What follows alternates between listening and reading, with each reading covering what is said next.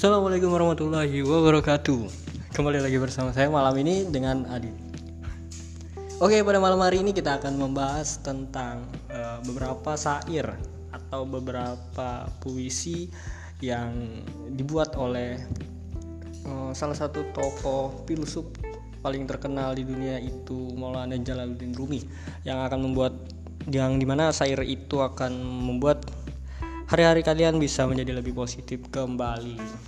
Oke, sebelumnya uh, kita akan mengenal lebih dulu siapa sih orang yang bernama Jalaluddin Rumi ini. Kok karyanya begitu disegani di seluruh dunia? Bahkan bukan hanya dari kalangan muslim saja tapi kalangan non muslim pun sangat-sangat uh, mengapresiasi sekali karya-karya Jalaluddin Rumi. Baik India Jalaluddin Rumi adalah penyair sufi terkenal dari Persia pada abad ke-13. Rumi lahir di Afghanistan. Selama hidupnya dia terkenal sebagai seorang ahli hukum, sarjana Islam dan seorang teolog. Seperti beredar di media sosial, banyak banyak penggalan syair Rumi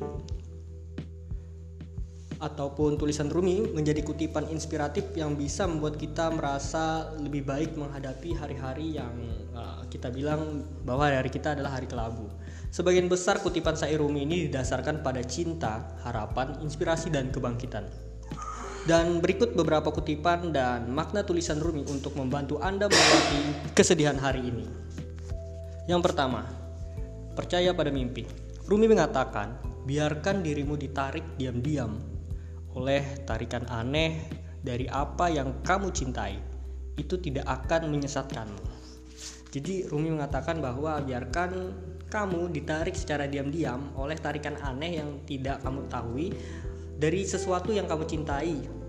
Percayalah bahwa yang apa yang kamu cintai itu tidak akan menyesatkanmu. Baik.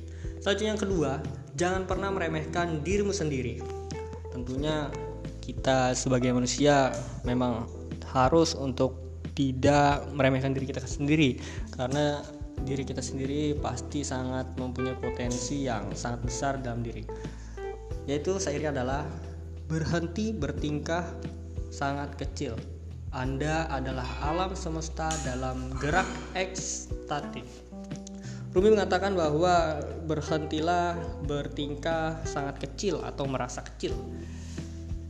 Dan dia mengatakan bahwa kalian adalah alam semesta dalam gerak ekstatik. Jadi Rumi mengatakan bahwa kalian itu sudah menggenggam yang namanya alam semesta.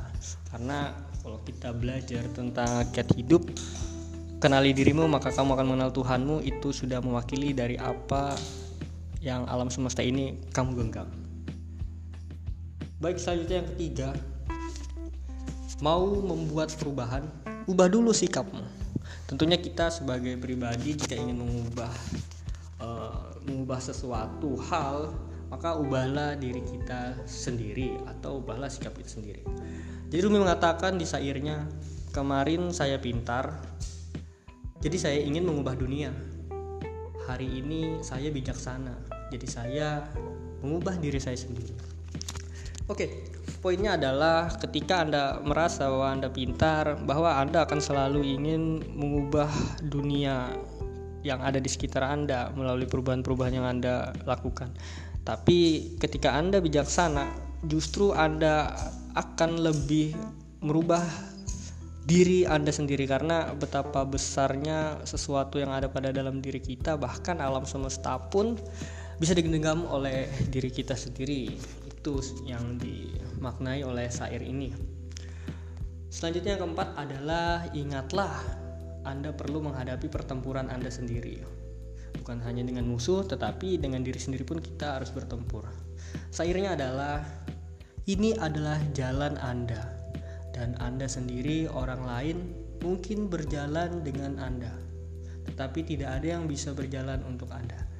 Ini adalah jalan Anda dan Anda sendiri. Orang lain mungkin berjalan dengan Anda, mungkin orang lain berjalan dengan kita, tetapi tidak ada yang bisa berjalan untuk kita. Jadi kita punya jalan pribadi masing-masing untuk menentukan nasib kita. Mungkin seseorang bisa berada di samping kita tapi tidak bisa untuk menentukan nasib kita. Bahkan karena yang menentukan nasib kita adalah kita sendiri.